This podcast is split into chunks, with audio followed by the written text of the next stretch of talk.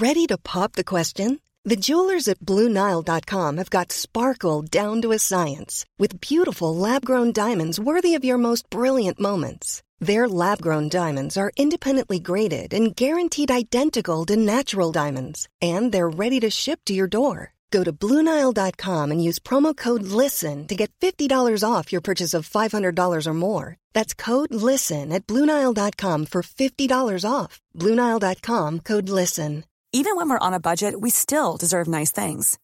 Quince is a place to scoop up stunning high end goods for 50 to 80% less than similar brands. They have buttery soft cashmere sweaters starting at $50, luxurious Italian leather bags, and so much more. Plus, Quince only works with factories that use safe, ethical, and responsible manufacturing. Get the high-end goods you'll love without the high price tag with Quince. Go to quince.com/style for free shipping and 365-day returns.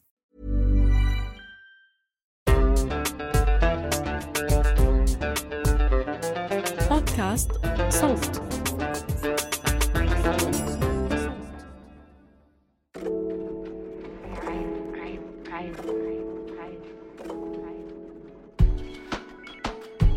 مستمعات ومستمعي صوت الأعزاء مرحبا.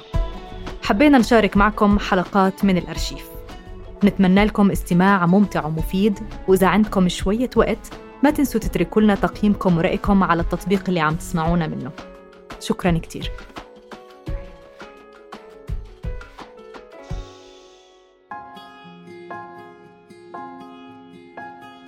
كانت علاقتي بهي الصبية كتير غريبة. نحن الصبيتين جمعنا ألم كتير مشترك وكتير مختلف بنفس الوقت. وجعنا كان واحد الأمومة بغيابها وحضورها أنا المرة يلي كانت بدها تصير أم وهي كانت المرة يلي آه، لقت حالها بمواجهة مع الأمومة بوقت ما كانت قادرة تكون في أم. فالتقينا بوقت الأمومة كانت هي حلم بالنسبة لإلي وكابوس بالنسبة لها وحالة البؤس المتناقض اللي كنا اثنيناتنا عايشين فيه بصراحة كانت مزرية. ومع ذلك كنا عم نحاول يعني نوصل لبعض لحتى نقدر نثق ببعض. وفعلا كانت كمان فكرة إنه هي المرة فيها تعطيني أكثر شيء بوقتها كنت بحاجة لألو كانت مرعبة كتير.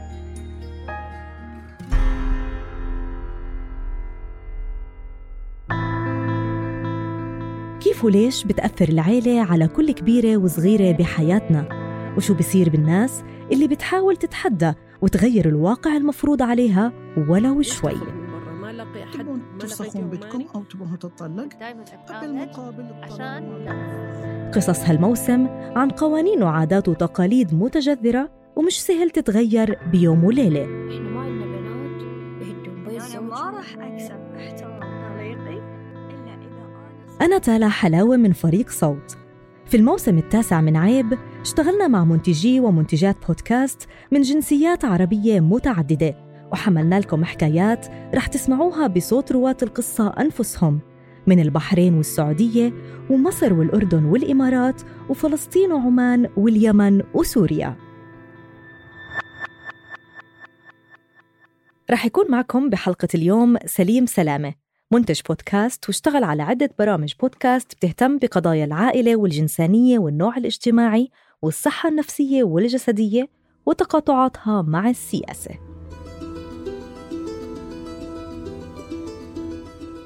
خلال عملي مع صوت وعبر عدة برامج بودكاست قدرت إني أشارك قصص شخصية عن حياتي وعن أشياء بتهمني وبتعني لي من واقعي وتجربتي ومحيطي. على رأسها موضوع التبني والاحتضان والأسر الراعية البديلة في الأردن باختلاف أنواعها وأشكالها. من خلال هالحلقات وقصص ضيفاتي تشكل عندي معرفة جديدة وتعمق أكبر عن شو يعني احتضان وشو يعني عائلة أو أم بديلة سواء كان من الناحية العاطفية والتربوية أو من الناحية التقنية والقانونية. بهالحلقات تحاورت مع ضيفاتي السابقات عن التحديات والصعوبات عن الأمل والحب والعطاء من غير حدود عن موانع القدرة على التبني وشروطه والعقبات اللي بأحيان كتيرة بتكون طاردة وسارقة لفرص عائلات أو نساء أو المسيحيين في الأردن مثلا وغيرها من الموانع لكن اليوم وبهالحلقة رح أطلع معكم برا الأردن ونروح مع بعض على أمريكا ونتعرف من خلال قصة وتجربة ضيفتي تسبيح حبال عن تجربتها الشخصية هي وزوجها مع الاحتضان هناك كيف شكله؟ شو معوقاته؟ وقد إيه نسبة فرص نجاحه؟ وين بتتقاطع قلة الفرص هناك بقلة الفرص هون بالأردن؟ ونصغي خلال الحلقة لشو صار معهم برحلتهم الطويلة في محاولة التبني في بلدهم الجديد أمريكا. أنا تسبيح حبال من سوريا وجيت على أمريكا بال 2012 اتخاذ قرار الكفالة اجى تقريبا بعد خمس سنين زواج. وبالنسبة لنا كان هو الحل الأخير والوحيد لحتى نقدر نكون أم وأب. وبالرغم من إنه كنا متفقين ومأيقنين تماما إنه هذا هو الطريق يلي حنسلكه بغض النظر عن أي شيء بصراحة كان في مخاوف باتخاذ القرار بحد ذاته وخاصة بما يتعلق بإجراءات وآلية الكفالة يلي غالبا ما بتكون كتير عويصة ومطولة وغير واضحة. ففكرة الخوض بالمجهول بصراحة كانت كتير مخيفة بالنسبة لنا الاحتضان بأي بلد بالعالم آليته حساسة ومعقدة وبيتنوع وبيختلف من بلد لبلد منها الإجراءات القانونية والوقت الطويل اللي بتاخده التكلفة المالية العالية التحديات المجتمعية والمعوقات والضوابط الدينية محاربة الإتجار بالبشر الاختبارات اللي لازم يخضع لها الأهل لإثبات أهليتهم وقدرتهم على الاحتضان وغيرها من كتير أمور. وتجربة تسبيح وزوجها بأمريكا ما كانت خالية من أغلب هالنقاط. لكن دينهم وعرقهم أضاف طبقة جديدة من التعقيدات والتحديات. كعائلة عربية سورية مسلمة. وكأقلية ببلد غربي كان في عنا تخوف زائد حول موضوع الهوية والدين وكيف حيأثروا أو ما يأثروا بإجراءات الكفالة وفرصتنا أنه نكون أهل محتضنين. ونحن وقت اللي عم نقرر عم نفكر باتخاذ قرار الكفالة. الكفالة بحد ذاتها هي بشكل عام غير مطروحة بمجتمعنا وخاصة بالمجتمع السوري هون بأمريكا. فقرار الكفالة بحد يعني إلى حد كبير هو يعني خارج عن مألوف فكرة الخروج عن المألوف اللي ممكن تحس فيه العيلة العربية لما تقرر إنها تقدم على خطوة الاحتضان أو توفير الرعاية البديلة هي نقطة شاركت بذكرها جميع ضيفاتي بالحلقات يلي حكينا فيها عن هذا الموضوع. لهيك كانت تسبيح بتبحث ببداية رحلتهم ليصيروا عائلة محتضنة إنهم يلاقوا ويقابلوا شخص أو عيلة عربية تانية بالمدينة المقيمين فيها. أشخاص يكونوا مرقوا بهالتجربة. يعني بشكل عام ما بعتبر حالي أصلا شخص نمطي والخروج عن المألوف ما كتير بخوفني بس المشكلة الأساسية كانت هي هي الغياب شبه التام لشبكات الدعم العربية المعنية بموضوع الكفالة هون بأمريكا. وكان كمان كتير كنت حابة أتعرف على حدا عربي هون مرق بتجربة الكفالة لحتى هيك ناخد منه شوية قوة وطاقة وإيجابية ويكون عندي نموذج إيجابي عربي للكفالة أتمسك فيه بمخيلتي. آه، يعني كل ما أحس حالي ضايعة وعم مفقد الأمل فبالمختصر كان كل شيء كتير جديد علينا كانت التجربة غريبة شوي عنا وكان, وكان لازم نستكشف ونخوض هاي التجربة بكل تفاصيلها لوحدنا تماما وهون بدأ مشوارنا. رغم السؤال والبحث عن هالمثال بالمراحل الأولى من التعرف على الفرص ما كان في نتيجة. واللي زاد الموضوع صعوبة وتعقيد هو إنه تسبيح وزوجها ما كانوا مشاركين أهاليهم وعيالهم تفاصيل عميقة بما يخص نيتهم بالاحتضان. هلأ أنا من أول ما بلشت أو وقت اللي بلشنا هيك يعني إنه ناخذ معلومات أكثر نفهم شو هي آليات الكفالة أنا وقتها خبرت أهلي وأهله لزوجي كمان خبرناهم بشكل مقتضب. بس حتى أهلي اللي هن أقرب الناس علي يعني خبرتهم بوقتها إنه يعني نحن عم نفكر إنه نكفل طفل وانتهى الموضوع. كنت موصلة لمرحلة إنه حتى الحديث في هالموضوع رح يسبب لي ألم. ف...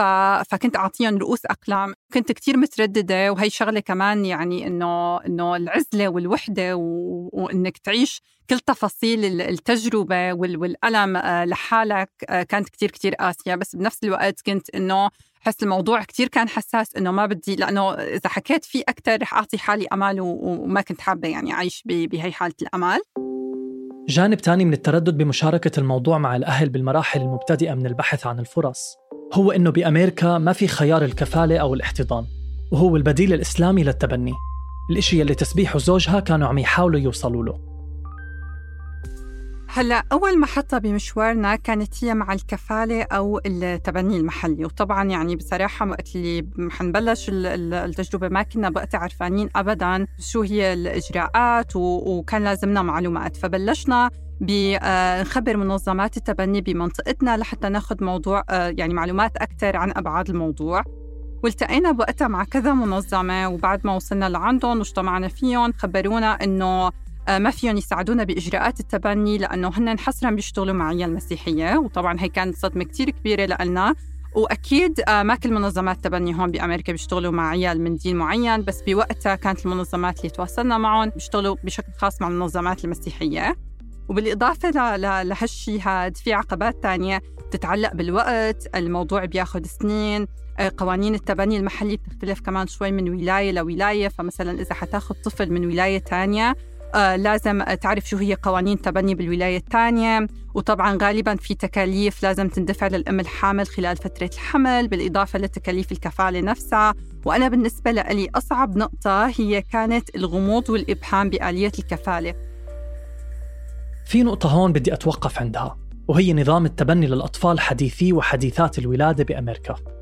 يعني ما عم نحكي عن أطفال عمرهم خمسة أو 12 عم نحكي عن أطفال لساتهم بأرحام أمهاتهم ورح ينولدوا. آلية التبني بهيك حالة بتتم عبر التواصل مع أم حامل بترغب أو مجبرة بشكل ما على إنها تتخلى عن طفلها أو طفلتها بعد الولادة. وهالعائلة المحتضنة مثل تسبيح وزوجها مثلا بصير لازم إنها تمشي بإجراءات. أبرزها إنهم يعملوا مثل بروفايل أو مقال تعريفي عن حالهم لحتى تطلع عليه الأم البيولوجية لتقرر إذا رح تختار إنها تعطي طفلها أو طفلتها لهاي العيلة أو لهديك. هالنقطة بالتحديد كانت كتير مقلقة وإشكالية بالنسبة لتسبيح ودخلتها بدوامة من الضغط النفسي. حسيت بضغط إنه كأنه بدي روج لحالي بطريقة لأقنع حدا إنه أنا بستحق كون أم وبستحق كون أم لطفله. وكمان كحدا محجب كان عندي مخاوف إنه لما أم أمريكية وبيضة حتشوف صورتي شو حتفكر وشو هي الأحكام المسبقة يلي حتكون عني لمجرد أنه تطلع على صورتي وبالتالي رح أحس بضغط مضاعف لإثبات جدارتي واستحقاقتي للأمومة. وهذا طبعا بالنسبة لي كان شيء كتير مخيف. بالإضافة لهاي النقطة في آليات تانية بتتعلق بتحمل بعض التكاليف خلال فترة الحمل. بعد ما تختار الأم البيولوجية العيلة يلي بدها تعطي طفلها أو طفلتها لهم.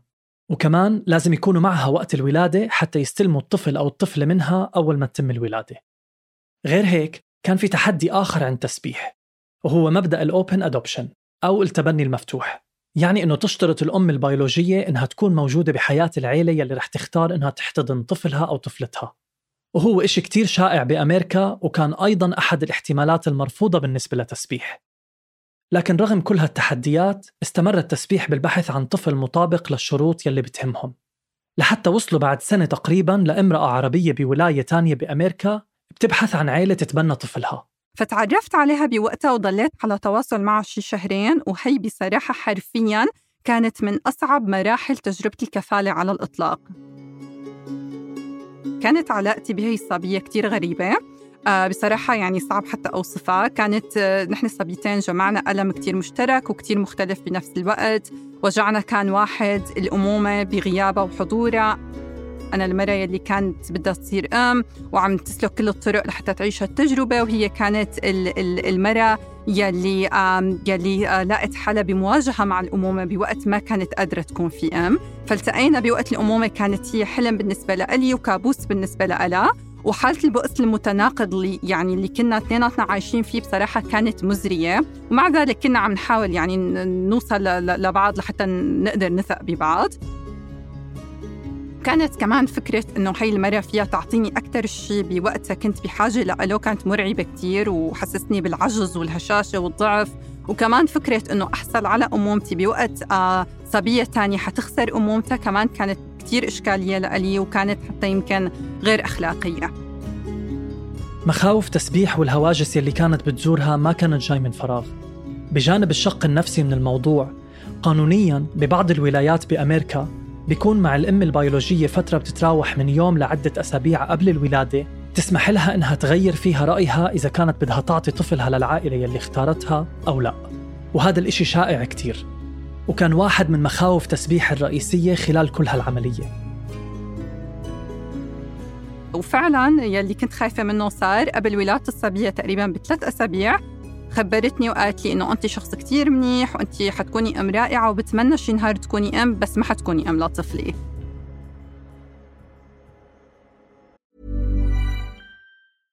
Cool fact a crocodile can't stick out its tongue. Also, you can get health insurance for a month or just under a year in some states. United Healthcare short term insurance plans, underwritten by Golden Rule Insurance Company, offer flexible, budget friendly coverage for you. Learn more at uh1.com. I'm Sandra, and I'm just the professional your small business was looking for. But you didn't hire me because you didn't use LinkedIn jobs. LinkedIn has professionals you can't find anywhere else, including those who aren't actively looking for a new job but might be open to the perfect role, like me. In a given month, over 70% of LinkedIn users don't visit other leading job sites. So if you're not looking on LinkedIn, you'll miss out on great candidates like Sandra. Start hiring professionals like a professional. Post your free job on linkedin.com/people today. إنه حالة الإحباط وال trauma يلي عشناها وإنه كيف بلحظة كل الأمل يلي بنيناه وحالة التأهب آه، للأمومة يلي عشتها مع آه، هالصبيه لمدة شهرين وحتى وقتها يعني قدمت على إجازة أمومة من شغلي كلها انهارت بلحظة. وبوقتها بعد هاي التجربة القاسية قررنا إنه ما عاد ابدا بدنا نفكر بالكفالة المحلية وصرنا نبحث عن ال international adoption أو الكفالة الدولية. وهون آه، يعني كيف وصلنا لخيار الكفالة الدولية. طبعا الكفالة الدولية لها شروط وأحكام بأمريكا. أهمها أنه الدولة اللي لازم يجيبوا منها الأهل المحتضنين الطفل أو الطفلة اللي بيرغبوا باحتضانهم لازم تكون دولة موقعة على اتفاقية مع أمريكا. في البداية تفضيل تسبيح وزوجها كان إنهم يحتضنوا طفل سوري سواء من سوريا أو الأردن أو تركيا. لكن ولا واحدة من هالدول موقعة على هاي الاتفاقية. وهون بلشوا يبحثوا عن الدول ضمن هالاتفاقية. وكل تركيزهم مصبوب على أنه يكون الطفل من بلد عربي أو شمال أفريقي ويكون مسلم. وكان عندهم بس خيارين المغرب وباكستان. لكن شرط باكستان كان أنه أحد الزوجين لازم يكون حامل للجنسية الباكستانية. وبهيك صفت المغرب هي الخيار الوحيد أمامهم. وهون بلشت مرحلة جديدة الاحتضان من المملكة المغربية. في منظمتين فقط بكل أمريكا عندهم برنامج الكفالة من المغرب وتواصلنا مع منظمة من بيناتهم وقدمنا عندهم وحطوا لنا اسمنا على قحة الانتظار لأنه وقتها كان عندهم كتير ضغط وبعد انتظار ست شهور بيجينا اتصال من منظمة إنه لغوا برنامج الكفالة من المغرب كله على بعضه وإنه حيسكروا ملفنا. فنقلنا على منظمة تانية رجعنا على مربع واحد وبلشنا الإجراءات من أول وجديد. وأخيرا بعد تقريبا انتظار شي سنتين من تقديم الطلب مع المنظمة الجديدة بعد سنين من المحاولات الفاشلة والتخبط بين الأمل واليأس. وبعد عشر سنين زواج جانا الاتصال المنتظر. صحيح وصل تسبيح زوجها الاتصال المنتظر لكنه كان محمل بضغط كبير كتير. خبروهم إنه معاهم 20 يوم فقط لحتى يسافروا على المغرب ويبلشوا بإجراءات كفالة ابنهم يلي قرروا يسموه جاد. كان بوقتها عمره أربع شهور و15 يوم. طبعا لما الموضوع صار بهالجدية خبرت تسبيح أهلها ورافقتهم أمها وأختها برحلتهم للمملكة المغربية. يعني عاطفياً كانت كتير صعبة لأنه خبرونا قبل ب 20 يوم وقالوا لنا معكم 20 يوم لتكونوا بالمغرب. فيعني انتقلت أنا من حالة اللا أمومة إلى حالة الأمومة لهذا الطفل يلي هو قاعد بالميتم أربع شهور يلي ما كان عنده أي أي تواصل اجتماعي مع العالم الخارجي اللي هو بحاجة لحب ودعم وعاطفة وكل هالقصص هاي آه يلي يعني تكون موجودة عند الأم بشكل كتير طبيعي وعفوي. يعني أنا وأنا كان عندي 20 يوم بس لحتى أستوعب.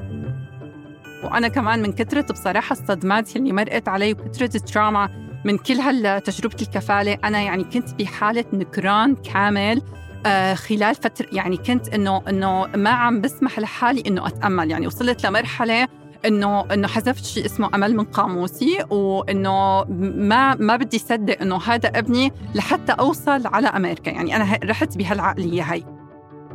فحتى يعني كنت كتير خايفة إنه أتعلق فيه كنت كتير خايفة إنه فعلا أحبه كنت كتير خايفة أصدق إنه فعلا هذا ابني وفعلا أنا رح أكون أمه. وفعلا يعني تميت مقفلة على قلبي وعقلي للحظة اللي حطت فيها الطيارة بمطار شيكاغو. اللي ساعدني هو كان يعني أهلي موجودين أمي وأختي كانوا موجودين معي وهذا الشيء كتير كتير ساعدني كتير قواني لأنه لو أنا بصراحة كنت موجودة لحالي يعني يمكن يمكن ما قدرت بصراحة يعني هالشهرين أقضيهم لحالي مع مع طفل جديد. آه، فيا أهلي هن كانوا يلي عم يعطوني الدعم آه، خلال وجودي هنيك وكل هالفترة بصراحة شهرين يعني ما يعني كنت كتير علاقتي معه آه، يعني كان كنت كتير حذرة وكتير يعني مترددة إنه فعلا فعلا أحبه وفعلا أعيش بحالة أمل خوفا من إنه أرجع أنصدم صدمة ثانية لأنه بصراحة أي شيء ممكن كان يصير أو أي يعني عرقلة أو أي عقبة ممكن لا سمح الله كانت يعني توقف كل الإجراء. القلق والخوف هذا ما بيجوا من فراغ وبيسحبهم نوع تاني من القلق ويلي بيجي نتيجة فهم وإدراك لحجم المسؤولية الجديدة. مسؤوليتهم تجاه الطفل اللي رح يحتضنوه ويصير ابنهم بعد أيام قليلة. الأم لما بتكون حامل عندها تسع شهور لحتى يعني آه، تت يعني تتأهب نفسيا وتتجهز نفسيا وجسديا وعاطفيا. أنا بالنسبة لي يعني كل هالفترة إنه حتى ونحن عم نعمل إجراءات الكفالة يعني آه، مرة ثانية من كثر ما عدى علينا ومن كثره التجارب الفاشلة يعني ما عدت وصلت لحاله إنه ما عدت أسمح لحالي إنه أعطي حالي أمل إنه ممكن بيوم من الأيام أصير أم. فيعني كنت بحالة نكران كامل وحتى مثلا ضمن لما بدك تعمل الإجراءات الكفالة لازم إنه تعمل تاخذ كورسات وهالقصص. يعني أنا جربت أخذ كورس يعني يعني صار معي إلا شوي انهيار بأول عشر دقائق من الكورس لأنه كتير لازم تعيش الحالة وتتخيل حالك كأم ويعني ما قدرت حتى إنه أكمل الكورسات لأنه كان إنه ماني ما عم بسمح لحالي أعيش الحالة. فهل هال 20 يوم هدول يعني ابدا ما كانوا يعني كافيين لحتى أطلع من الحالة بصراحة ويعني وأستوعب.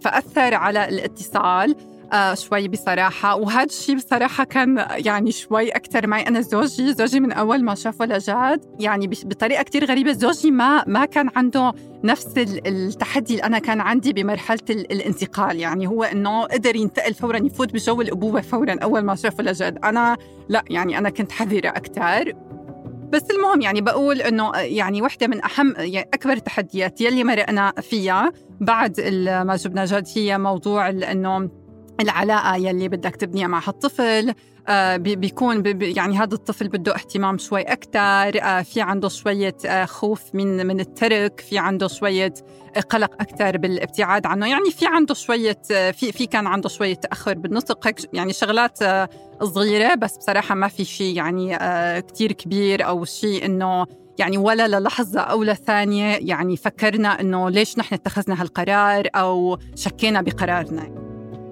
يعني ولا ما حسيت حالي ولا مرة إنه بدي أخبي إنه هذا الطفل إنه نحن محتضن أو أي شيء لا بالعكس آه، آه، يعني هي بصراحة شيء كتير آه، يعني بفتخر فيه وما بحس بالضغط إنه أخفيه أو أي شيء يعني. بالرغم من عدم توفر خيار الكفالة أو التبني قانونيا للعائلات المسلمة بأمريكا إلا أنه تسبيح وزوجها كان متاح عندهم الفرصة والخيار إنهم يتعاملوا مع منظمة مختصة بتبني الأطفال المسلمين. وقدروا من خلالهم إنهم يحتضنوا طفلهم جاد. وياخذوا كامل الحقوق اللي ممكن يحصل عليها أي طفل أمريكي تاني بسبب وجود هالاتفاقية بين المغرب وأمريكا. قدروا إنهم يعطوا جاد الجنسية الأمريكية بعد تسع شهور من وصوله كونه صار ابنهم رسمياً. هالمسهلات والخيارات كلها بتخليني أفكر بتعقيدات موجودة عندنا في الأردن. مثلا للعائلات المسيحية. كيف بنلاقي إنه خيار المسيحيين والمسيحيات في التبني معدوم؟ وبيقتصر فقط على برنامج الأسر الراعية البديلة ويلي بيشترط أنه يكون الطفل مسيحي ولا يعتبر احتضان. اختلاف فرصة وحق الاحتضان عند المسلمين بأمريكا مقارنة بالمسيحيين بالأردن بيستاهل يخلينا نوقف ونتساءل عن السبب. شو يلي ممكن يمنع من أنه يتم تطبيق نظام مشابه بيسمح بحقوق وفرص للمواطنين والمواطنات باختلاف دينهم واللي الدولة بتعتبرهم سواسية أمام القانون؟ هلا بصراحة ما بعتقد إنه في يعني في تحميش بالقوانين لديانات معينة بالقوانين التبني بحد ذاتها. بأمريكا التجربة اللي مرقنا فيها والتخوفات اللي ذكرتها اللي بما يتعلق بموضوع الهوية والدين وهالقصص هي لأنه هي هي بسبب آلية الكفالة هون بأمريكا اللي هي بتتطلب إنه تبني هالعلاقة مع الأم الحامل يلي هي حتقرر يلي هي عندها كل القوة آه، والسلطة أنه تقرر إذا أنت يعني أم أو عائلة مناسبة لطفلة أو لا. وتحديدا كأنا حدا محجب يعني حسيت إنه هذا الشيء طبعا حيأثر على فرصتي العادلة لحتى يعني الأمهات يعني يكونوا مهتمين إنه يعطوني طفلهم. فيعني هي هي هي القصة الأساسية اللي نحن واجهناها. شغلة تانية بموضوع كمان الكفالة الدولية كمان هي القوانين تنطبق على الكل بغض النظر عن الدين. وهالقصص هي هلأ بالمغرب هي نفس المغرب آه، ما بت ما بتسمح لك تاخذ طفل من عندها إلا ما تكون من آه، دين إسلامي. ومو بس دين إسلامي لازم تكون سني كمان. يعني نحن مرقنا حتى بامتحان واضطرينا إنه مثلا إمام الجامع تبعنا يكتب آه، رسالة بالملف تبعنا على المغرب إنه نحن عائلة سنية وحتى وقت اللي رحنا هنيك قابلونا ومدري شو. فبصراحة يعني التحميش أو الشغلات اللي أثرت علينا ما بعتقد إنه هي موجودة بالقانون بحد ذاته قد ما إنه هي شغلات يعني بتتعلق بآلية الكفالة يلي بتعطي مجال لأنه يكون في كتير تحميش للآخر. بنهاية حديثنا سألت تسبيح تغمض عينيها. وتتخيل معي ابنهم جاد عم يسمع هالحلقة بعد خمس أو عشر سنين. شو بتحب تحكي له؟ وشو بتحب يتذكر عن حاله بهاي المرحلة من عمره؟ وهو عم يسمع رحلة أمه وأبوه هم عم يحتضنوه. هاي كانت رسالتها. أوه واو أم شو بحب أقول له هلأ وبعدين؟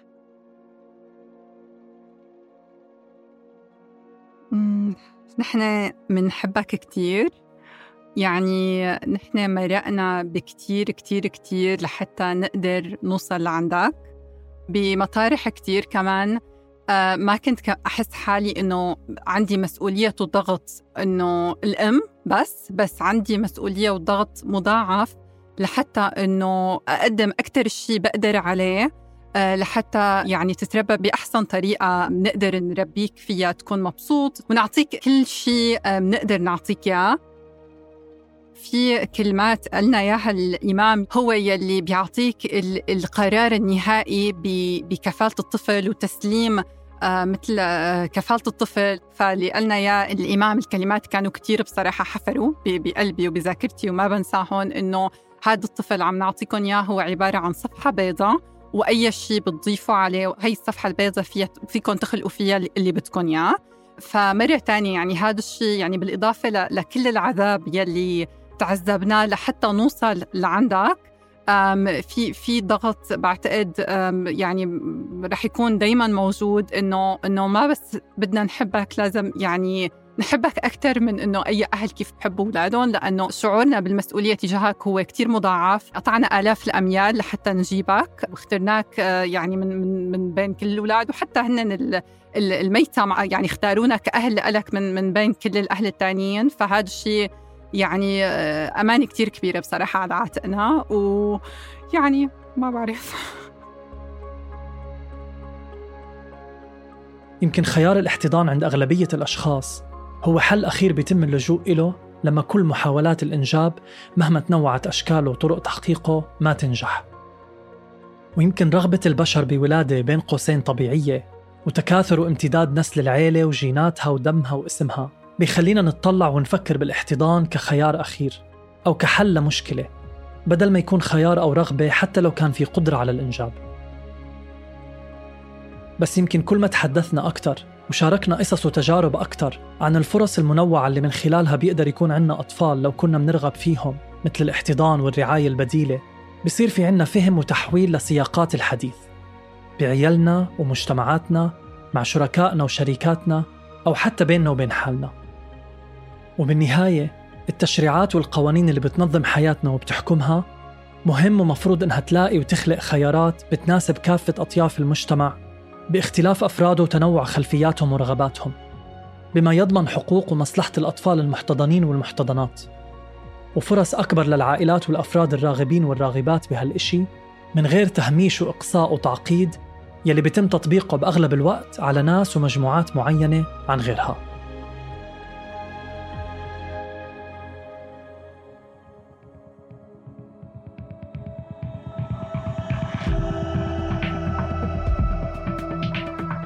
كنت معكم من الإعداد والكتابة والتقديم سليم سلامة. من التحرير تالا حلاوة. من التحقق من المعلومات عمر فارس. ومن الهندسة الصوتية نور الدين باللحسن ما تنسوا تشتركوا في قناة عيب على تطبيقات البودكاست حتى توصلكم تنبيهات الحلقات الجديدة. بودكاست عيب من إنتاج صوت.